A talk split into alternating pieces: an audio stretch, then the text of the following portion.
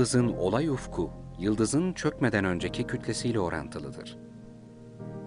Örneğin kütlesi 10 güneş kütlesi olan bir yıldız içe çöküp kara delik haline geldiğinde çapı 60 kilometre olan bir olay ufkuna sahip olur.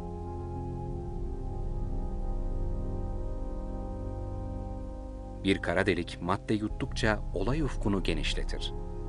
Olay ufku genişledikçe de daha güçlü çekim alanına sahip olur. Kara deliğin olay ufkunda teorik olarak zaman tümüyle durmaktadır. Kimi kara deliklerde iki olay ufku vardır.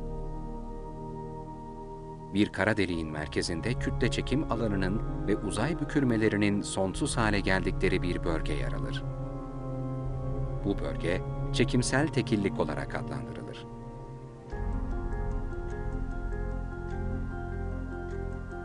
Bu bölge genel görelilik kuramı uzay zaman eğiminin sonsuz olduğu bölgeleri tanımlayamadığı gibi genel görelilik kuramı çerçevesinde pek iyi tanımlanamamıştır.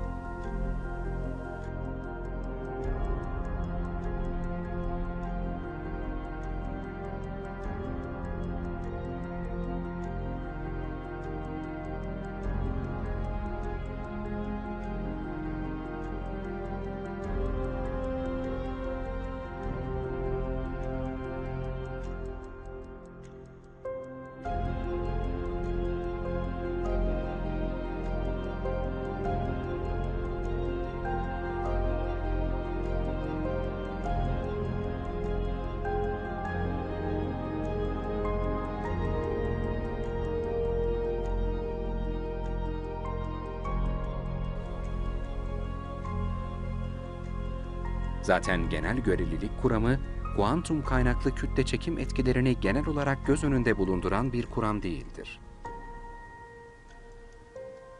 Uzay zaman eğimi sonsuza doğru eğrildiğinde zorunlu olarak kuantum tabiatlı etkilere tabi olmaktadır.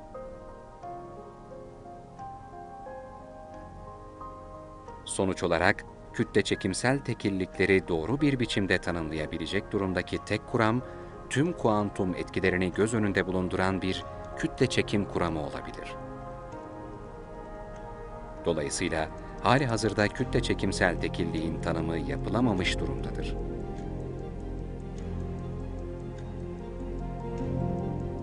Bununla birlikte şu biliniyor ki, nasıl kara deliğe girip içine yerleşmiş madde dışarı çıkamıyorsa, kütle çekimsel tekillikte kara deliğin içine yerleştikçe kara deliğin dışını etkileyememektedir.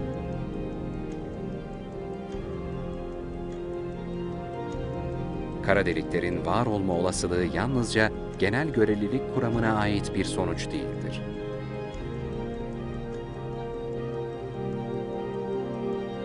Kütle çekimi konu alan hemen hemen tüm diğer gerçekçi fizik kuramları da onların varlığını muhtemel görmektedir.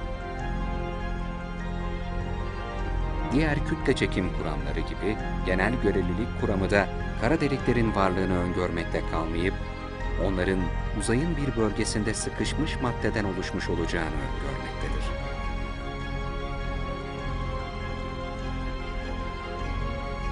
Evrim sürecinin son aşamasına yaklaşmış yıldızlarda, maddenin sıkışması sonunda kütlelerine göre iki hal söz konusu olur. Bunlar ya ak cüce haline dönüşürler veya sonradan kara deliğe dönüşebilecek nötron yıldızı haline dönüşürler.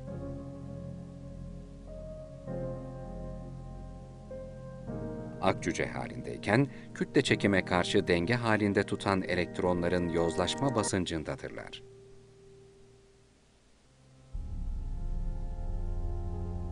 Nötron yıldızı halinde ise elektronların yozlaşma basıncı söz konusu değildir. Denge halini sağlayan güçlü etkileşimdir.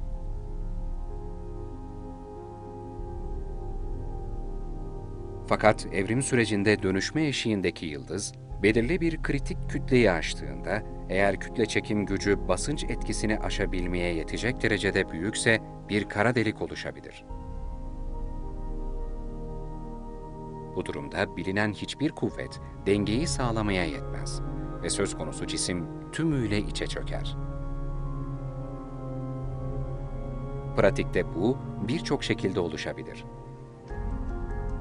Örneğin bir nötron yıldızına belirli bir kritik kütleye ulaşana kadar bir başka yıldızdan çıkan maddenin katılımıyla oluşabilir. Ya da bir nötron yıldızının başka bir nötron yıldızıyla birleşmesiyle oluşabilir. Fakat bu çok nadir görülür.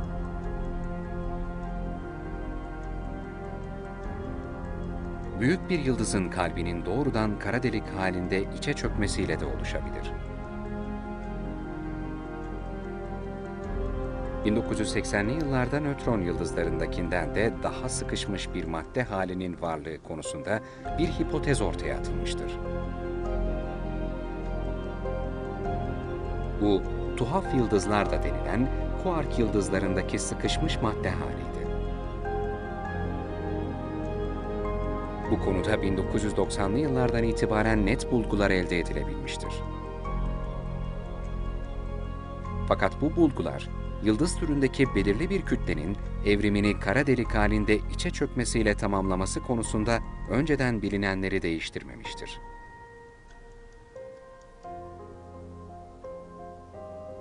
Değiştirdiği şey yalnızca kütlenin miktarı konusundaki sınır olmuştur.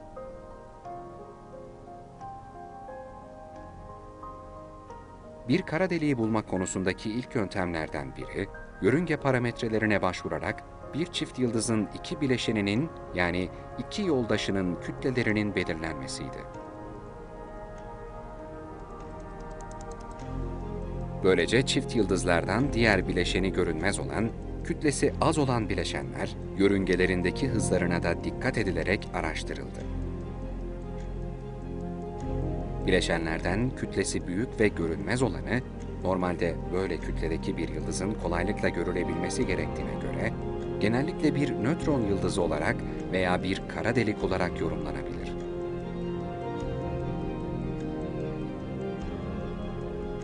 Yıldızın yörünge eğikliği açısı da biliniyorsa, yoldaşının kütlesinin nötron yıldızlarının maksimum kütle sınırını geçip geçmediğine bakılır. Eğer sınırı geçiyorsa bu bir kara deliktir. Geçmiyorsa bir ak cüce olabilir.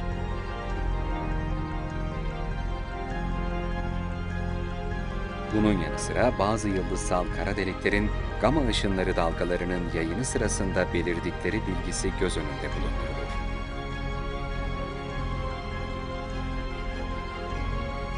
Zaten böyle kara delikler süpernova halindeki büyük bir yıldızın patlaması yoluyla oluşabilirler.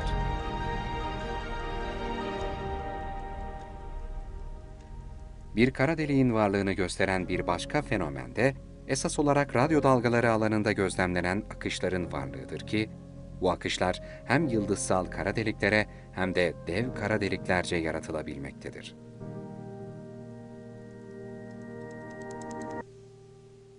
Bu akışlar, kara deliğin yığılım diskinde oluşan büyük ölçekli manyetik alan değişimlerinden kaynaklanırlar.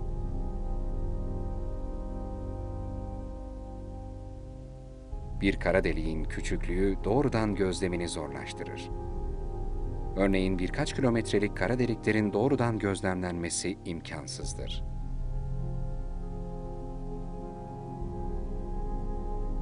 Açısal çapı bundan biraz daha büyük bir kara deliği ele alalım. Bir güneş kütlesi kadar kütlesi olan ve bir parsek yaklaşık 3,26 ışık yılı uzaklıkta bulunan bir kara deliğin açısal çapı ancak 0,1 mikrosaniye olacaktır ki bu gözleminin olanaksızlığı hakkında yeterince bir fikir vermektedir.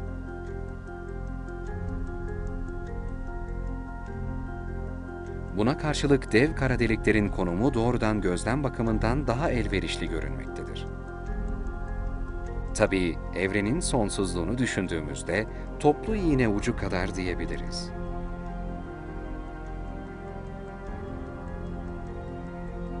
Günümüzde milimetrik alandaki frekanslara dayalı radyo girişim araçlarının duyarlılıkları gitgide geliştirilmektedir.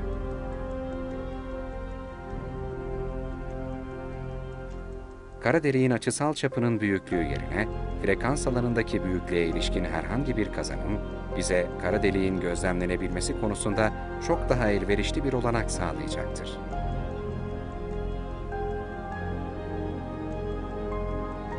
Şu halde bir galaksi merkezindeki kara deliğin bu teknikte imajlarının elde edilmesi pek uzak bir hayal olmasa gerek.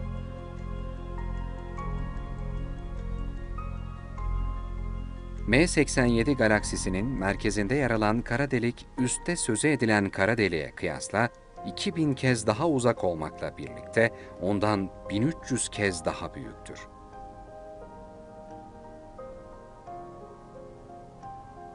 Belki de bu kara delik, gelecekte galaksimiz Samanyolu'ndaki kara delikten sonra imajı elde edilmiş ikinci kara delik olacaktır.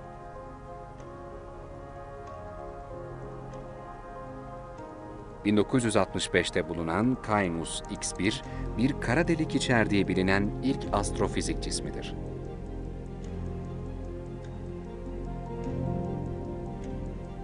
Bu, dönen bir kara delikten ve bir kızıl devden oluşan bir çift yıldız sistemiydi.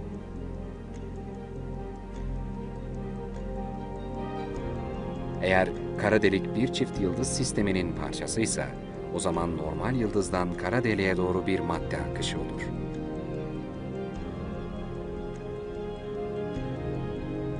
Madde akışı, açısal momentumun korunması prensibine bağlı olarak kara delik çevresinde yığılım diski denilen bir disk oluşturur.